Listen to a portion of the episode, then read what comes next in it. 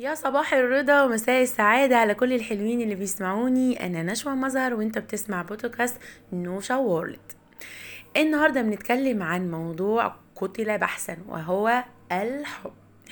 كل الناس بتتكلم عن الحب وطريقة تعبيرنا آه عن مشاعرنا للناس اللي بنحبهم سواء الحب ما بين آه شخصين سواء ما بين زوج وزوجة سواء ما بين آه أسرة سواء ما بين أصدقاء إخوات سواء في حتى بيئة العمل البيئة الإيجابية طبعا اللي نقدر نقول إن هي بتهتم شوية بالناس اللي نتعامل معاها فيوم زي ده بيبقى يوم مميز إن إحنا نعبر آه، لبعض فيه عن مشاعرنا وعن امتناننا لوجود بعض الناس اللي بتساعدنا في آه، يعني تقوية العلاقات ما بيننا وبين بعض وان إحنا نعبر عن مشاعرنا دي ليهم. بس الحقيقة على الجانب الآخر في بعض الناس اليوم ده بالنسبة لها بيكون يوم تعيس شوية وبيحسوا فيه ب نقدر نقول يعني كسرة شوية كده اللي هو آه، قلة ثقة بالنفس بقى أو إن أنا حاسس طول الوقت إن أنا مش حد بيحبني إن أنا حد مش مرغوب فيا وبيبقى يوم يعني واخده كده من, من الأول للآخر جلد نفسه ولذاته وعن قد إيه هو شخصية مهملة. هنتكلم النهارده عن الشخصية دي وإزاي أحب نفسي وأقدرها وإزاي أتغلب على النقاط اللي بتضايقني في يوم زي ده وبشكل عام عموما. ما تروحوش في حتة جهزوا المشروب بتاعكم يلا نرجع نكمل مع بعض. آه كلامنا النهارده عن الحب.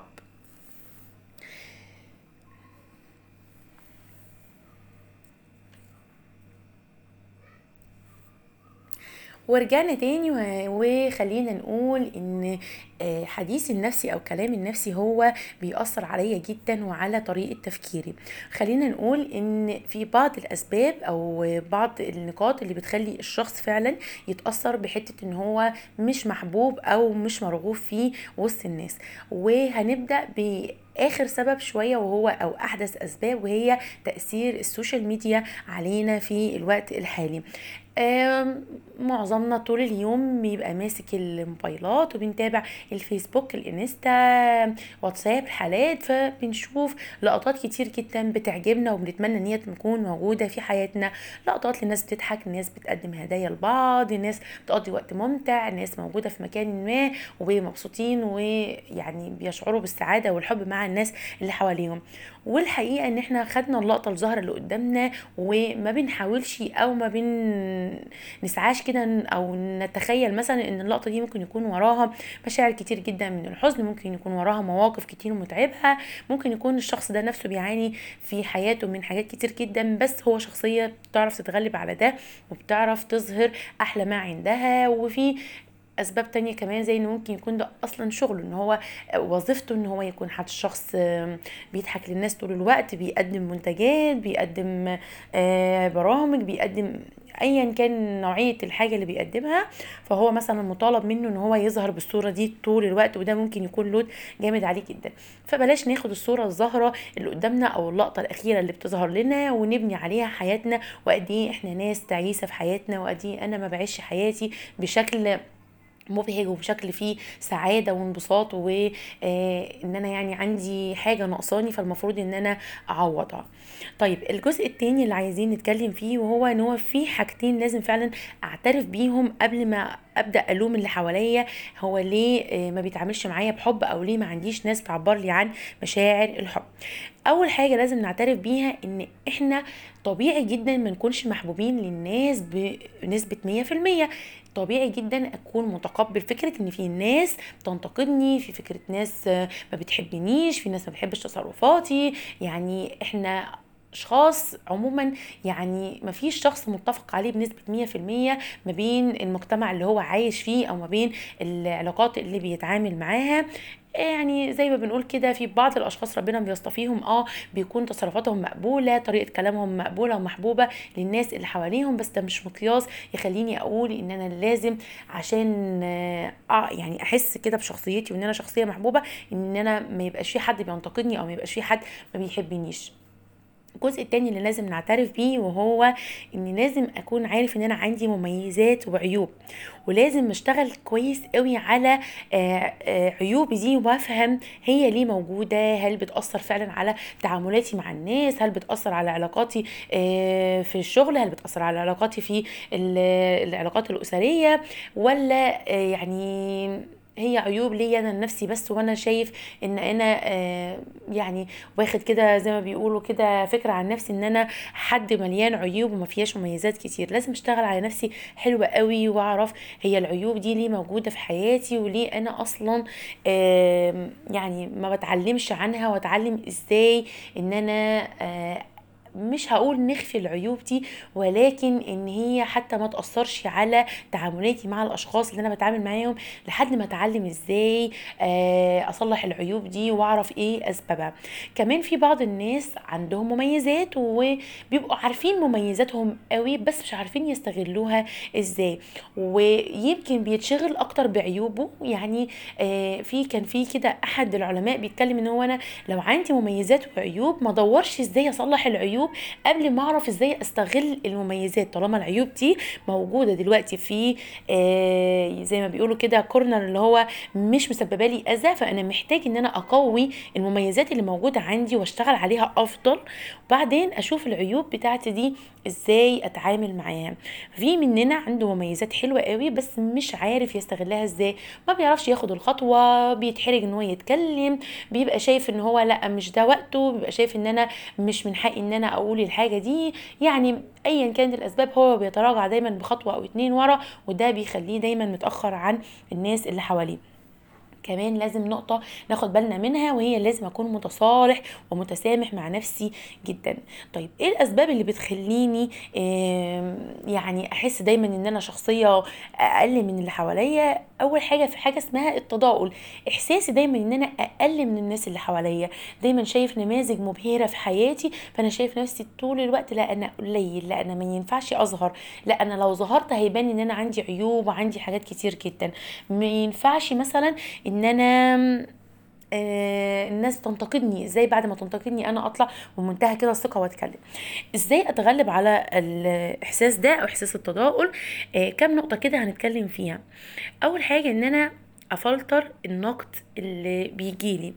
الحقيقة إن أنا النقاط دي كنت سمعتها لحلقة لمصطفى حسني من الناس اللي أنا بحب أسمع لهم جدا بيعرف يوصل الكلام أو ال- المعلومة للفئة اللي موجودة دلوقتي بشكل لذيذ وبسيط وفعلا يشدك ويخليك تتكلم أو حتى يعني تعرف تفهم عن نفسك أكتر. فكان بيتكلم عن فلترة النقد.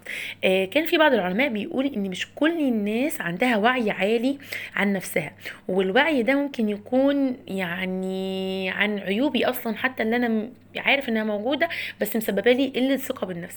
ممكن يكون عدم الوعيها عدم وعيها ده وقلة ثقتها بنفسها آه، دايما بيخليه شخص ناقد للي قدامه للعيوب اللي موجودة عنده. بمعنى إن مش كل النقد يجيلي لازم أقبله. مش كل كلام سلبي أنا هقبله من الشخص اللي قدامي. وارد جدا يكون النقاط اللي بيتكلم فيها نقاط ضعف عنده هو بس مش قادر يواجه نفسه بيها.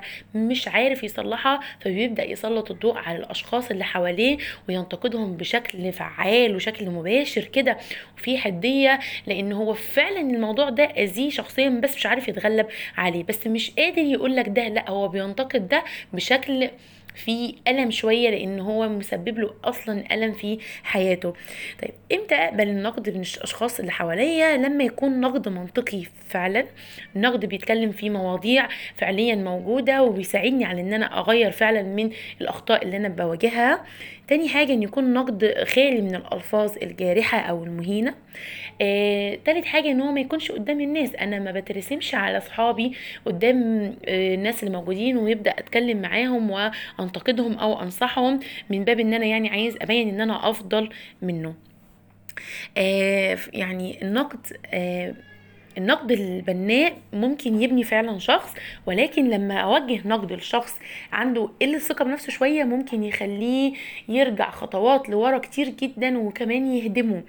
آه يعني أفتكر قصة دلوقتي لأحد الصحابة عبد الله آه ابن عباس. كان بعد وفاة النبي صلى الله عليه وسلم راح لأحد أصحابه اللي بيثق فيهم يعني واقترح عليه إن هو يصطحبه لمجالس العلم وإن هو يروح يتعلم من كبار الصحابة. فالحقيقة كان رد صاحبه ده ليه قال له إيه قال له أتظن أن الناس يستمعون إليك وكبار الصحابة أحياء؟ أنت فاكر نفسك إيه؟ أنت لما هتروح تتعلم وتاخد من مجالس العلم معلومة مثلا من هنا ومن هنا تفتكر إن حد ممكن يجي لك ويسمع لك وكبار الصحابة موجودين أحياء؟ أكيد لأ طبعا. الحقيقة كلمة زي كده كفيلة تخلي واحد ثقته بنفسه مهزوزة شوية إن هو يتراجع عن خطواته اللي عايز يعملها ويفضل يعني منتظر فعلا أنا فعلا ما عنديش الفرصة وإزاي هبقى هظهر في وسط الناس اللي موجودة دي وفي وسط الصحابة اللي موجودين دول. بس الحقيقة إن عبد الله بن العباس سعى للتقل يعني آه، إن هو يستقي من العلم من الصحابة كتير جدا وبقى يسافر ويروح مجالس علم ويحضر للصحابة اللي بي يعني بيختار منهم العلم اللي عايز يوصله. وفي يوم من الأيام دخل آه، صاحب عبد الله بن العباس أحد المساجد ووجد عبد الله بن العباس وحوله جميع آه، أو جمع من المسلمين ومن الناس مش قليل قاعدين وبيستمعوا إليه. فكان آه، كلمته لعبد الله بن العباس آه، قال له آه، أنت كنت أعقل مني. يعني أنت ما خدتش الكلمة وهدمتك لا أنت اشتغلت على نفسك وكنت أعقل مني في إنك قبلت النقد بتاعي وكان بالنسبة لك حافز إنك تكمل. الحقيقة يعني عشان ما اطولش عليكم آه، إحنا محتاجين نفهم عن نفسنا قوي ومحتاجين نحب نفسنا أكتر من كده محتاجين نحب آه، نفسنا مميزات بعيوب محتاجين نشتغل على نفسنا آه، تقدير لذاتي قبل ما أستنى تقدير الناس اللي حواليا. في نقطة ممكن تساعدكم على إنك أنت آه، تكون أفضل من كده إن أنا ألتمس الناس اللي بتعني على إن أنا أحب نفسي. ألتمس الناس اللي آه، بتشوف الحلو اللي فيا وبتحاول تحسن مني. ألتمس الناس اللي ما بتنتقدنيش من باب الانتقاد فقط. آه، ممكن تقول أنا ما عنديش حد بيعمل ده أنا ملياش حد بيساعدني أنا ما عنديش الناس اللي بتتكلم عليها دي في حياتي. حياتنا. قليل يحييك أبرك من كثير يؤذيك. ممكن يكون عندي شخص واحد بس في حياتي بس بيساعدني إن أنا أكون أفضل بيحسسني فعلا إن أنا بسعى بي بيعني على مجاهدة نفسي. آه، أفضل بكتير جدا بيكون عندي أصحاب كتير جدا جدا جدا بس هم آه، وجودهم في حياتي مؤذي من كتر ما هم بينتقدوني أو بيستقلوا بيا وبالحاجه اللي أنا بعملها. دوروا على الناس اللي مش هتتكسفوا إن أنتوا تتكلموا معاهم عن عيوبكم دوروا على الناس اللي انت مش هتتكلف وانت بتتعامل معاه مش هتحس إنك انت بتتعامل بشخصية غير شخصيتك الحقيقية. حبوا نفسكم قوي قوي وقدروها الأول.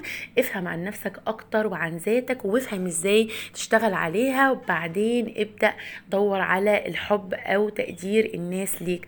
آه صدقوني هيفرق جدا وانت بتقدر نفسك وممتن ليها و معززها كده وفاهم يعني مشاعرك إمتى أخرجها وامتى أحترم مشاعري وأحترم آه تقديري لنفسي آه ويعني هتشوفوا الجانب التاني إزاي بيتعامل مع الشخص اللي بيحترم نفسه وبيحترم ذاته الموضوع ده يفرق معاكم جدا جدا جدا.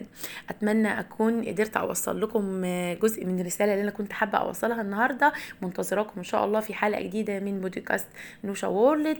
كنت معاكم أنا نشوى مظهر. السلام عليكم ورحمة الله وبركاته.